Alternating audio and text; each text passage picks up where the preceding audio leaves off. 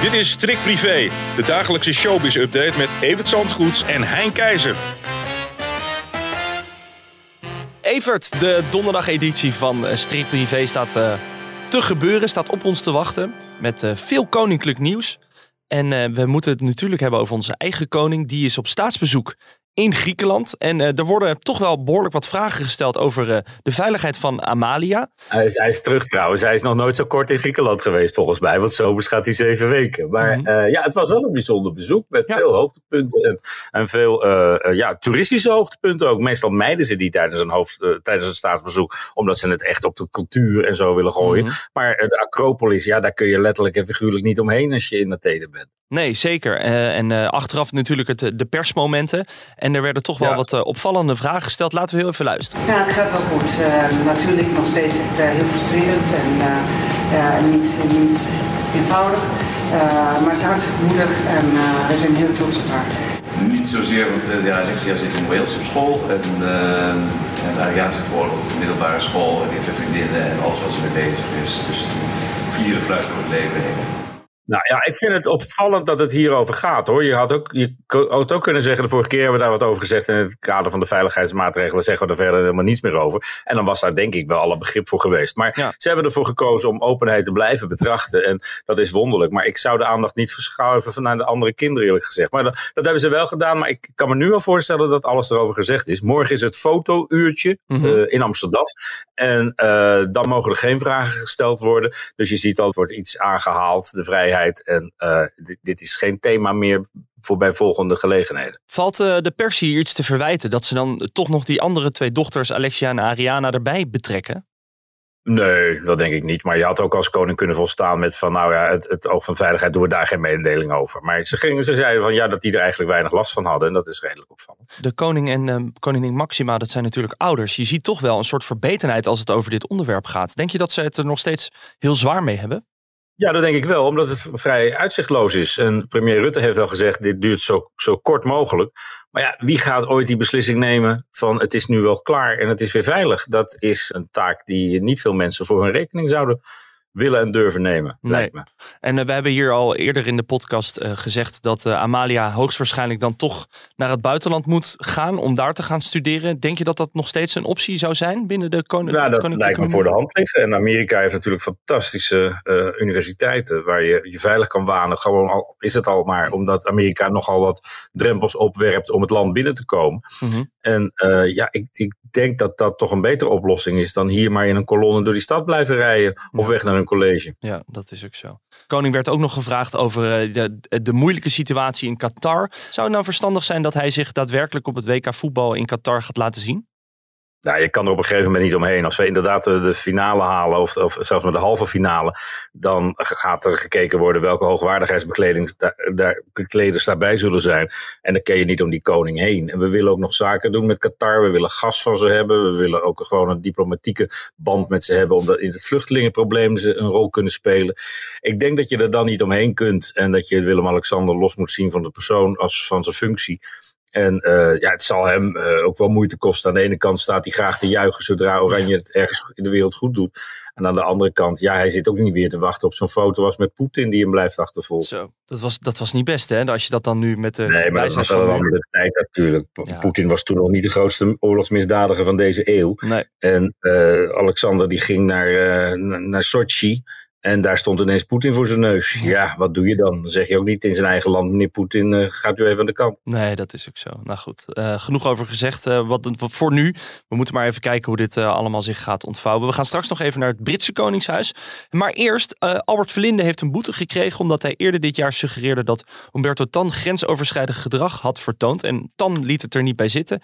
Die heeft een aangifte gedaan. En, nou ja, ik geloof dat het verhaal wel duidelijk is. Ik zat er tegenover toen. Ik dacht, Albert, ja. wat doe je nu? Ja. En uh, de dag erop kwam hij erop terug en probeerde die al excuses aan te bieden. En dat heeft hij een week later nog een keer gedaan.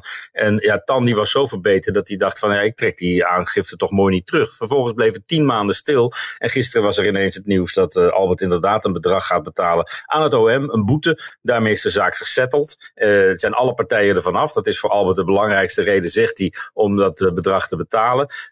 met zichtbare tegenzin, want zijn advocaat Benedict Fiek, die gooide er nog een persbericht uit waarin Albert dan dan toch weer het laatste woord opeist en zegt van ja, eigenlijk ben ik het er helemaal niet mee eens, maar goed, we zijn er nu vanaf als Umberto Tan zou ik daar weer niet blij mee zijn. Nee. Maar uh, ja, nou ja, zo is het geregeld. En uh, uh, zo is deze kwestie de, de wereld uit. Al blijft hij wel een beetje kleven aan Albert, denk ik. Want, ja, want, ja, want het, is nog steeds niet, het is nog steeds niet echt bekend waar nou die aantijging vandaan kwam, toch?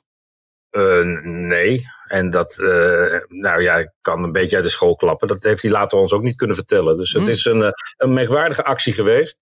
Waar, uh, ja, die hem duur is komen te staan. Nu ook letterlijk. Dan is dit hoofdstuk voor nu gesloten. Over hoofdstukken gesproken, Evert. Er zijn allemaal royal boeken in aantocht. Namelijk 10 januari het boek van Prins Harry, Spare. En in november komt er ook nog een boek van koning Charles. En daar kwamen al opvallende details over naar buiten. Dat hij een teddybeer en een eigen wc-bril meeneemt elke keer als hij op reis gaat. Nou, hij neemt als hij naar vrienden gaat logeren zelfs zijn eigen bed mee. Dat wordt dan met een busje van tevoren bezorgd. Met zijn eigen lakens, met zijn eh, teddybeer zit erbij. Inderdaad, uh, zijn, zijn slippertjes, zijn ochtendjas en, en alles uh, ja, wordt afgeleverd bij mensen die dan eerst de logeerkamer vrij hebben moeten maken. Want er komt een logier met een eigen bed. Mm -hmm. Nou is dat natuurlijk in kringen waar mensen wel wat gewend zijn. En uh, wat ik begreep, heeft dat ook iets te maken met het achterlaten van DNA. Waarom ze daar nou zo gespitst zijn dat Charles nergens zijn DNA achterlaat. Ja. Maar als hij dus weg is, dan zijn die lakens ook weer weg. En dan, uh, dan, zit, dan heb je niks. Dus ja, het, er wordt over de, gekste dingen nagedacht op dat paleis. Merkwaardig, merkwaardig. En dit boek komt dan op 8 november uit. Uh, op 10 januari, wat ik net al zei, komt het boek van Prince Harry uit. Hij zei ja, eerst van nou, ja. Hm? Mocht Charles al op één staan in de bestsellerlijst, dan is hij er vanaf dat moment vanaf in ieder geval. Uh, ik, ik, denk dat het boek over Charles uh, lang niet zo explosief zal zijn als dat van Harry. Ja, we hebben het al eerder gezegd, de titel doet al het ergste vermoeden. Uh, hij is redelijk verbeten. hij kijkt ook redelijk verbeten op die coverfoto, op de omslagfoto. En het is zijn verhaal, zijn waarheid. En eh, mensen zijn best een beetje bang dat die waarheid een beetje verdraaid is in zijn hoofd. Of dat hij toch dingen anders ziet. Dat hij zich echt altijd als overbodig gevoeld heeft. Omdat hij maar die spare was, die reserve. En ja, die doen ge vaker gekke dingen. In uh, het Britse Koningshuis hebben we eerst gezien hoe prinses Margaret, ook de tweede op de troon, uh, uh, volledig ontspoorde. In eigen land ging prinses Irene een beetje merkwaardig doen. Op een gegeven moment toen ze dacht koningin van Spanje te zullen worden. Ehm, ja, dat is een, een wonderlijke positie. Maar je kunt er ook gewoon het beste van maken. Je ziet ook genoeg voorbeelden waar dat wel goed gaat. Maar ja.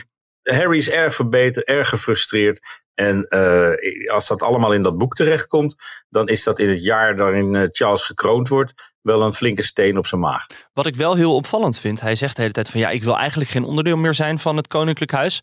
Maar op, de, op het portret, zeg maar, staat wel Prins Harry op de boekomslag. Ja, dat is het rare. Hij zegt van ik heb dit niet geschreven als de prins die ik ben, zoals ik ben geboren, maar als de man die ik ben geworden. En vervolgens staat op het omslag Prins Harry. Ja. Ik denk, ja, wat wil je nou? Ja. Weet wel, weet wel eigenlijk uh, wanneer er de eerste details van de, over dit boek naar buiten komen? Nou, er zal ergens een voorpublicatie uh, komen, ik denk rond de feestdagen. Want de wereld moet natuurlijk nog verder worden opgewarmd voor dit boek. Mm -hmm. Maar met, juist met het oog op de juridische consequenties, denk ik dat ze niet al te veel laten lekken. En ik moet ook zeggen dat er echt letterlijke teksten uit het boek nog steeds niet naar buiten zijn gekomen. Nee, is dat uh, gebruikelijk bij dit soort boeken? Ja, het kan. Het wordt dan ook gedistribueerd in, in verzegelde dozen. Dat oh. gaat allemaal naar boekhandels die dat dan uh, ergens veilig moeten opbergen. En die uh, moeten kunnen laten zien dat die dozen nog steeds dicht zijn tot het moment dat ze open mogen.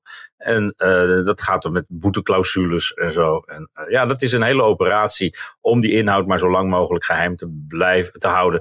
Tot het UU, het moment waarop we dat boek allemaal mogen lezen. We gaan het zien. Laten we het daarop houden. Evert, ik ga je hartelijk danken. De donderdag, morgen weer? De donderdag editie zit erop. En morgen zijn we er natuurlijk weer met eventjes aan Evert vragen. Evert, fijne dag. En bedankt. Doei.